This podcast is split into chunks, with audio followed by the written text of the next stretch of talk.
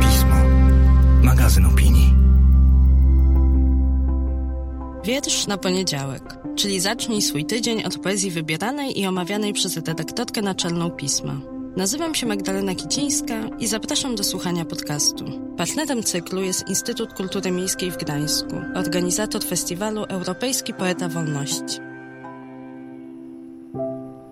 Dobry wieczór, cześć, dzień dobry, hej, hejże powinnam powiedzieć, bo się przeniesiemy zaraz do Krakowa, a tam często taki akcent trochę właśnie to hejże mi się najbardziej chyba z Krakowem kojarzy, a przeniesiemy się tam bo tak sobie wykombinowałam, że skoro dwa tygodnie temu spotkaliśmy się z mistrzynią, a wrześniowy numer pisma kobiecy, feministyczny, wspierający różne silne postaci kobiece, ale też zachęcający do tego, żeby tej siły w sobie poszukać, no to może warto kontynuować ten szlak mistrzyń polskiej poezji, i ten szlak właśnie do Krakowa mnie doprowadził, a wszystko to ze sprawą tomiku. Nowy Wybór Wierszy, przesyłki od wydawnictwa A5, Nowy wybór wierszy Ewy Lipskiej to jest książka, którą można, jeżeli się jeszcze nie zaczęło swojej znajomości z poezją Lipskiej, zainaugurować. A jeżeli się tę poezję zna, ale wyrywkowo, to jakoś sobie wiedzę i własne zbiory poetyckie uzupełnić, bo w książce tej znajdują się teksty Lipskiej i z lat 60., 70., ale też z najnowszych, ostatnich tomików.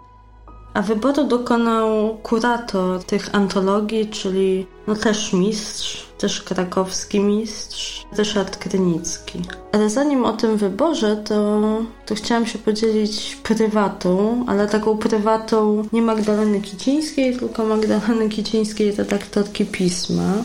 Bo kiedy zaczynaliśmy w ogóle myśleć o tym, żeby ten miesięcznik powstał i dumaliśmy nad tytułem, nad nazwą, pojawiło się pismo i od razu pojawiła się taka informacja, że jedno pismo już było i to inne pismo to był miesięcznik kulturalno-literacki w Krakowie, powstały, powołany, którego między innymi właśnie Ewa Lipska była częścią. Była częścią zespołu redakcyjnego, publikowała tam również swoje wiersze A ten nieregularnik ukazywał się między 1981 a 1983. Przez cenzurę e, zmuszony do kapitulacji, ale nie bezwarunkowej, bo kilkanaście numerów powstało i te numery my sobie tutaj w redakcji staramy się archiwizować gdzieś tam przez różne aukcyjne i antykwaryczne portale wyszukując. Mamy je tutaj.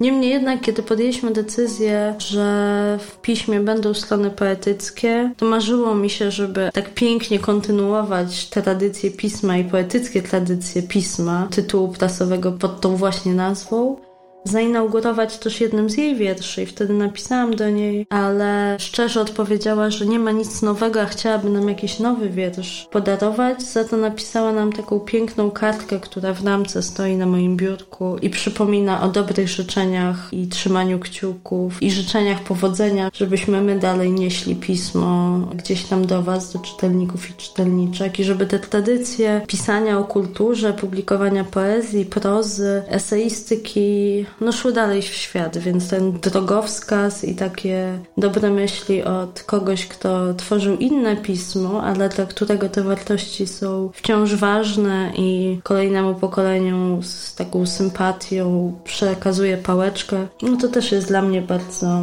cenne i inspirujące i takie wzmacniające. A jak mówiłam, wrzesień w piśmie to też jest parę słów o takiej solidarności i wzmacnianiu się nawzajem przez kobiety. Ja w każdym razie bardzo się czuję wzmocniona przez te dobre słowa od pani Ewy Lipskiej i bardzo też byłam szczęśliwa, kiedy w lutym ubiegłego roku Agnieszka Żądło przysłała nam, a ja mogłam opublikować rozmowę z poetką. Rozmowa miała piękny tytuł Jesteśmy przelotnymi faktami i możecie ją znaleźć oczywiście w archiwum pisma, możecie jej też posłuchać. Katarzyna Gajewska zrobiła piękną malarską ilustrację, portret poetki, który towarzyszył tej rozmowie, w której Ewa Lipska mówiła bardzo mądrze i z takim dystansem o dzisiejszej medialnej również rzeczywistości, ale medialnej nie tylko jeśli chodzi o mass media, ale też o naszą potrzebę medialności i celebryctwa i, i takiego uzewnętrzniania, wystawiania na widok publiczny wszystkich aspektów naszego życia i o tym, jak bardzo prywatność się zatarła i jak bardzo też jesteśmy przez to zatarcie prywatności zniewoleni. Bardzo polecam tę rozmowę, która ani trochę się nie zestarzała przez ten rok. Tak jak nie starzeje się poezja Lipskiej, którą możemy czytać w tym zebranym tomie, bo i wiersze, jak już mówiłam, z wcześniejszej fazy twórczości, te z końcówki lat 60. czy z lat 70., wybrzmiewają równie aktualnie jak te z ostatnich tomów, z czytnika linii papilarnych i pamięci operacyjnej.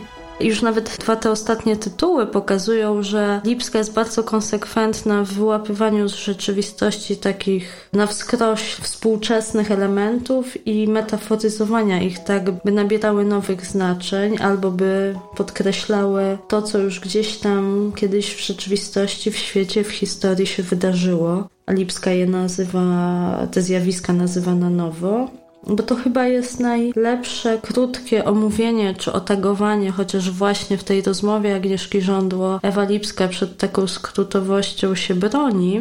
Niemniej jednak, gdybym ja miała jakoś określić, co dla mnie w poezji lipskiej jest najważniejsze, no to chyba ta głęboka ironia, która mnie osobiście, kiedy czytam te wiersze, wydaje się taką tarczą obronną, ochronną, mechanizmem, dzięki któremu udaje się zabezpieczyć czy ochronić skrywaną gdzieś głębiej wrażliwość, delikatność i kruchość i też taką niezgodę, niegotowość na to, żeby z brutalną rzeczywistością, z tym co trudne, mierzyć się tak zupełnie nago, tak bezpośrednio. A druga cecha tej poezji, równie ważna i taka, bez której trudno sobie wyobrazić każdy tomik Ewy Lipskiej, bo jest w tym bardzo konsekwentna, no to właśnie ta bogata metaforyka. To znaczy, wydaje mi się, że, a przynajmniej teraz, kiedy sobie tak paplam na gorąco i nie zaglądam na notatek. Trudno mi sobie teraz przywołać inną poetkę polską albo poetę polskiego współczesnego, dla którego metafora byłaby tak istotnym elementem języka, takim charakterystycznym. I kiedy przegląda się,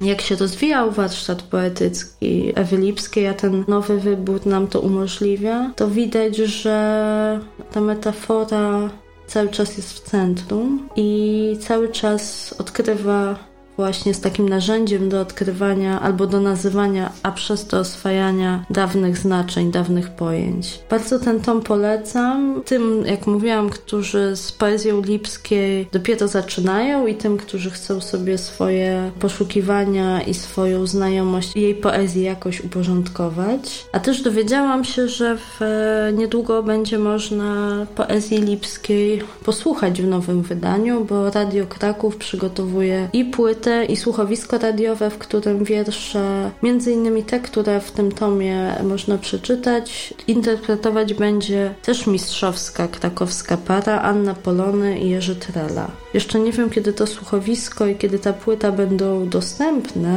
natomiast bardzo jestem ciekawa tych interpretacji, bo Pokoleniowo ci, którzy będą interpretowali, są zbliżeni do poetki. Jestem ciekawa, czy też będzie ich wrażliwość ze sobą jakoś korespondowała całej tej trójki.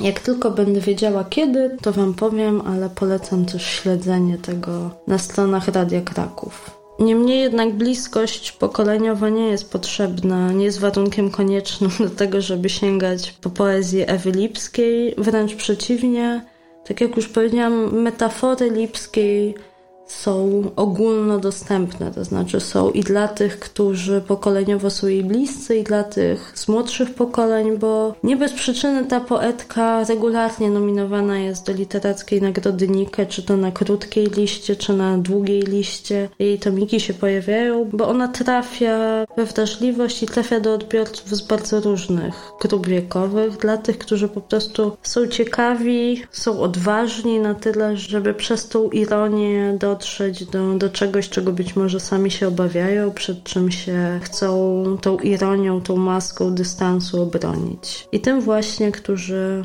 w tej grupie odnajdują swoje cechy, polecam czytanie Ewy Lipskiej, słuchanie Ewy Lipskiej i też zajrzenie do rozmowy, o której wspominałam na stronie naszego magazynu.